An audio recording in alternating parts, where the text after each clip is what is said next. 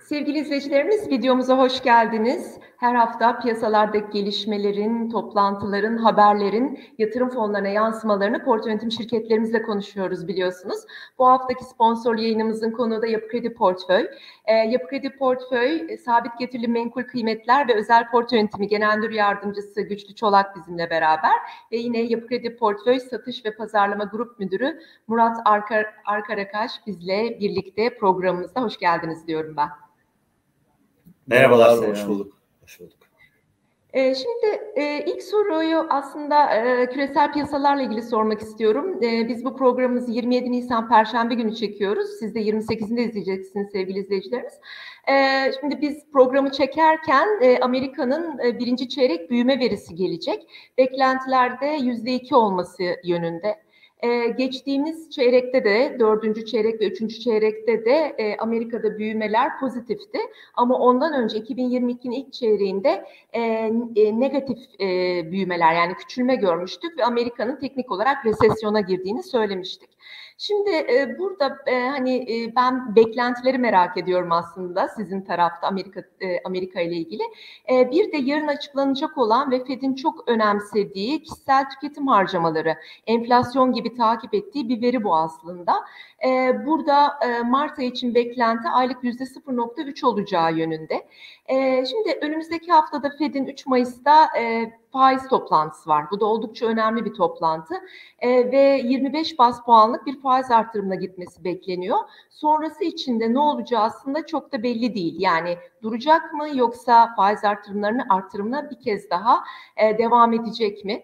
Şimdi e, benim e, sorum merak ettiğim acaba e, büyüme zayıf gelirse Güçlü Bey enflasyon da yine böyle hani yapışkanlığını korumaya devam ettiğine dair bir işaret verirse o zaman Fed ne yapar acaba? Yani Mayıs'tan sonra sonra da e, faiz arttırımlarına devam eder mi ne dersiniz?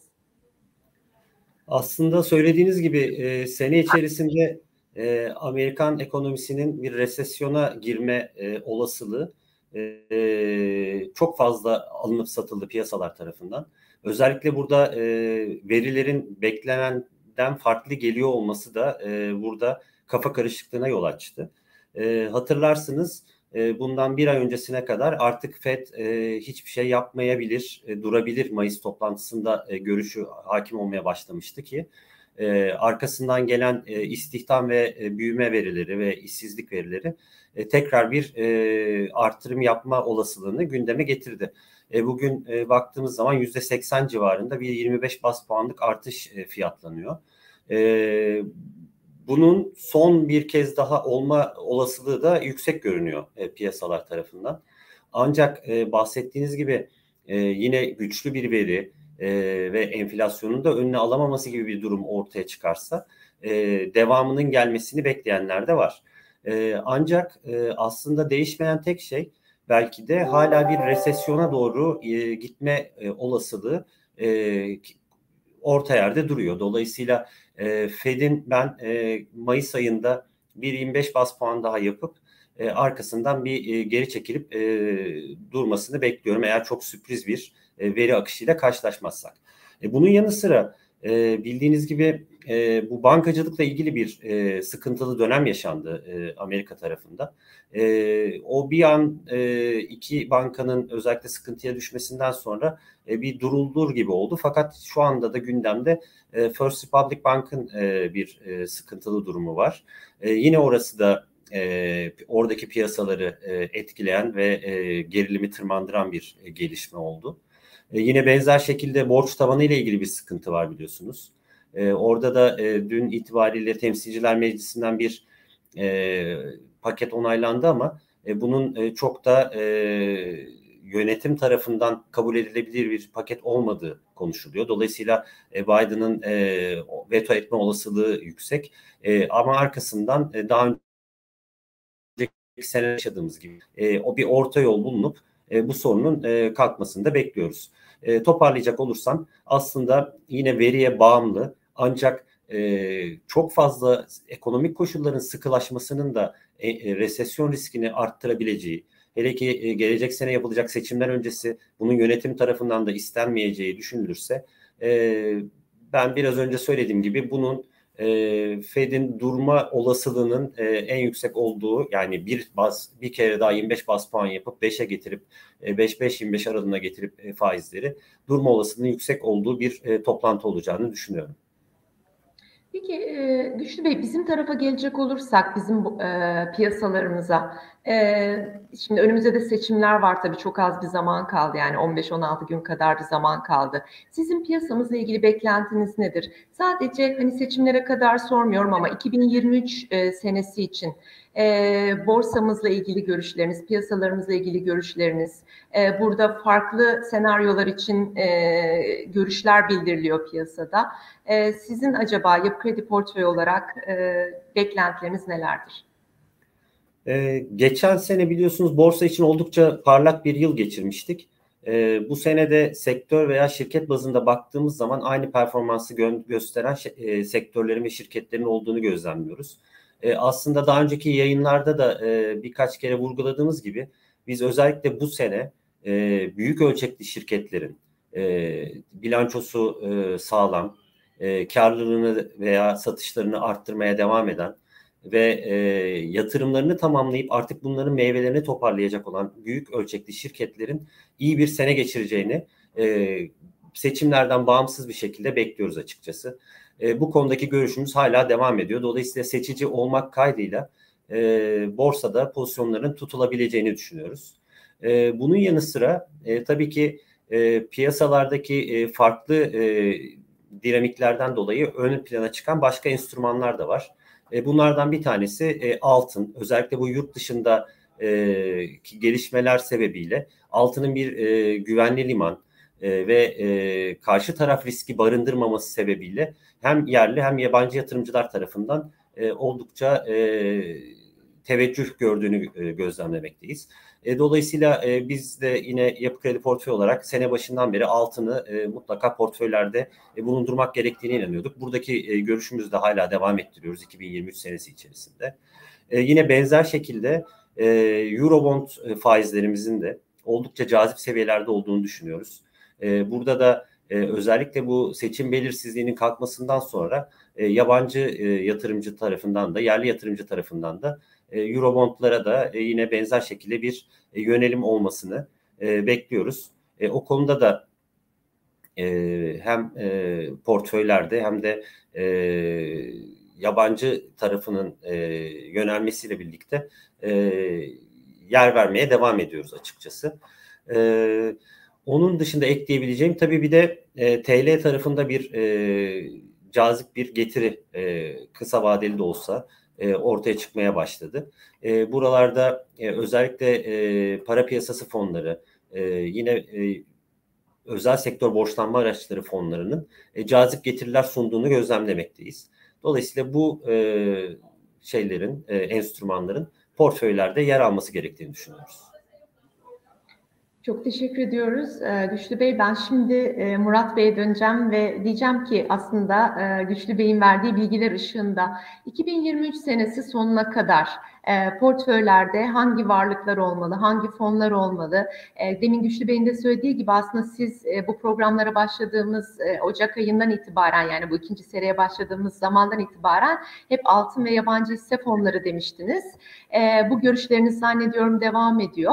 E, yani bununla ilgili bir e, sizden e, bilgi rica edeceğim. Bir de e, Murat Bey e, bu tür e, türbülansın yüksek olduğu zamanlarda piyasalarda yatırımcılarımıza ne önerirsiniz? Böyle hani kazanç fırsatlarını kovalamak mı yoksa biraz daha sakinlik mi? Ne dersiniz? Ee, çok teşekkür ederim Serra Hanım. Ee, bu kıymetli yayında e, Güçlü'nün de bahsettiği gibi e, şimdi öncelikle yurt dışı bacağını da e, özetlediğimiz zaman e, gerçekten sıkıntılı bir süreç var. E, içeriye geldiğimizde de e, herkesin malumu e, Mayıs ayı içerisinde yaşayacağımız bir seçimimiz e, mevcut. Aslında biz e, siz de belirttiniz e, senenin başında e, kıymetli madenler kısmında özellikle altını çok e, portföylerde önemli bir yer olarak e, tutuyorduk. E, aynı zamanda e, yabancı hisse senetleri, yatırım fonları açısından da e, olması gereken bir yerde. Ben yatırımcılara e, şunu tavsiye ediyorum öncelikle. E, genelde böyle e, belirsizliklerin çok fazla olduğu, hem içeride hem dışarıda soru işaretlerinin çok fazla olduğu dönemlerde e, sepet mantığında e, yatırımlarını yapmak e, en doğrusu. Çünkü hangi enstrümanın ne zaman hareket edeceğini bilmek gerçekten bizler için bile çok zor. E, sadece bir öngörüyle bunların oranlarında e, belli ayarlamalar yaparak az ancak bu fırsatları yakalayabiliyoruz. Bunun da tek yöntemi yatırımcıya yansıtılacak, yatırımcıya bir e, geçiş fırsatı olacak sepet fonlar olarak düşünüyoruz. Bizim e, Yapı Kredi Portföy olarak sepet 1, 2 ve 3 fonumuz. Zaten sizler de yayınlarınızda e, bizim programların e, alt bölümlerinde bu fonların kodlarını, tefas e, bilgilerini de iletiyorsunuz. Çok teşekkür ederiz. Buradan yatırımcılarımız da bunlara bakıp, bakıp kolaylıkla ulaşabilirler. Öncelikle aslına bakarsanız 2023'ün e, bu belirsizlik ortamında içeride ve dışarıda soru işareti çok olan yatırımcılarda sepet fonlar dertlerine derman olur diye düşünüyoruz. Aynı zamanda e, eskilerin güzel bir e, benzetmesi vardır. E, pastırma yazı deriz. E, kış aylarında e, kısa dönemli bir yaz e, geçirdiğimiz süreç olur. Bizim bu e, seçim e, sürecinden sonrası açısından da muhtemeldir ki e, bizim içerideki piyasalar açısından da yatırımcıları fırsat olacak e, dönemler zamanlar oluşacaktır. Bunu yakalamanın da e, en kolay yolu yatırım fonları üzerinden yatırım yapmak olacaktır. Nedeni de şu. E, siz varlığın e, seçimini yapma, yapmak e, yerine bir portföy yöneticisine bunu bıraktığınız zaman hem piyasaların takibi hem de onun e, portföy içerisinde, sepet içerisindeki miktarını belirlemek anlamında ciddi bir profesyonellik elde ediyorsunuz. Bunu da aslında fon yöneticileriyle ve yatırım fonlarıyla sağlıyorsunuz. Bu açıdan dediğim gibi böyle ortamlarda özellikle de e, belirli bir yatırım aracına e, iştahınız yok ise bu bazda siz yönetimini yatırım fonlarına bırakın. Sadece sepet mantığıyla bir e, portföy oluşturduğunuz zaman da e, arkanıza yaslanıp e, getirisini e, görmeye çalışın derim. E, bu ön, yani diyebileceğim bu önümüzdeki birkaç birkaç ay için en azından yatırımcıların e, işlerin rahat olması için o yumurtaları aynı sepete koymamak, her yayında çok belirtiyoruz bunu e, ve alokasyon yapmak sepet fonlarıyla çok kolay. Bu önemli bir şey. E, biz seneye başlarken e, hisse senetleri tarafında da gerçekten zor ve e, birazcık daha yatırımcının çok e, getiriye ulaşamadığı bir dönem yaşadık.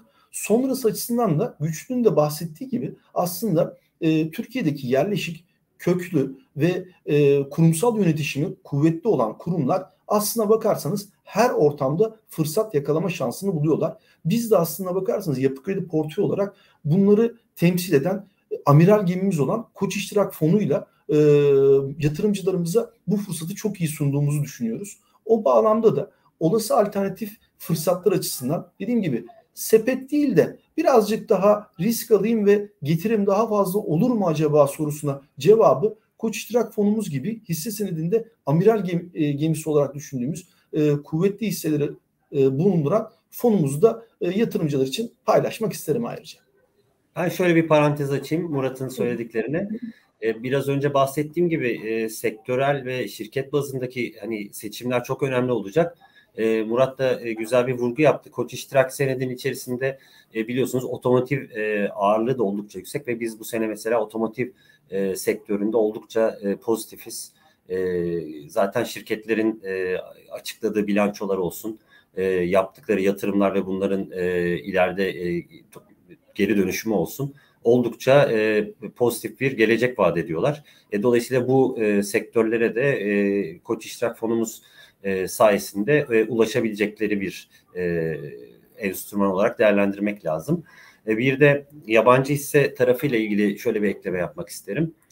Bugüne kadar aslında sene başından itibaren baktığımız zaman oldukça iyi bir performans. Özellikle bu yurt dışı hisse senetlerine yatırım yapan bizim teknoloji fonumuzda oldukça iyi bir performans yaşadığımızı gözlemledik.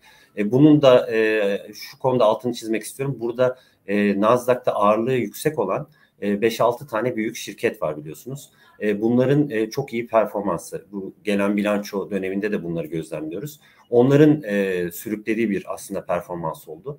Dolayısıyla burada senenin geri kalan döneminde yabancı yatırım açısından, yabancı hisse senetleri yatırım açısından belki biraz pozisyon azaltmakta, yerli tarafa biraz daha yönelmekte son çeyreğe kadar fayda olabilir. Orada çünkü o e, bilançoların etkileriyle yavaş yavaş oradaki endekslerde de e, biraz düzeltme sürecine girebileceğimizi düşünüyoruz. Peki çok çok teşekkür ediyoruz e, Güçlü Bey, e, Murat Bey verdiğiniz bilgiler için çok sağ olun. Biz teşekkür, teşekkür ederiz. ederiz. Görüşmek üzere. Bol kazançlı günler. Çok teşekkür ederiz. Sevgili izleyicilerimiz bir sonraki programımızda görüşmek üzere diyoruz. Hoşçakalın.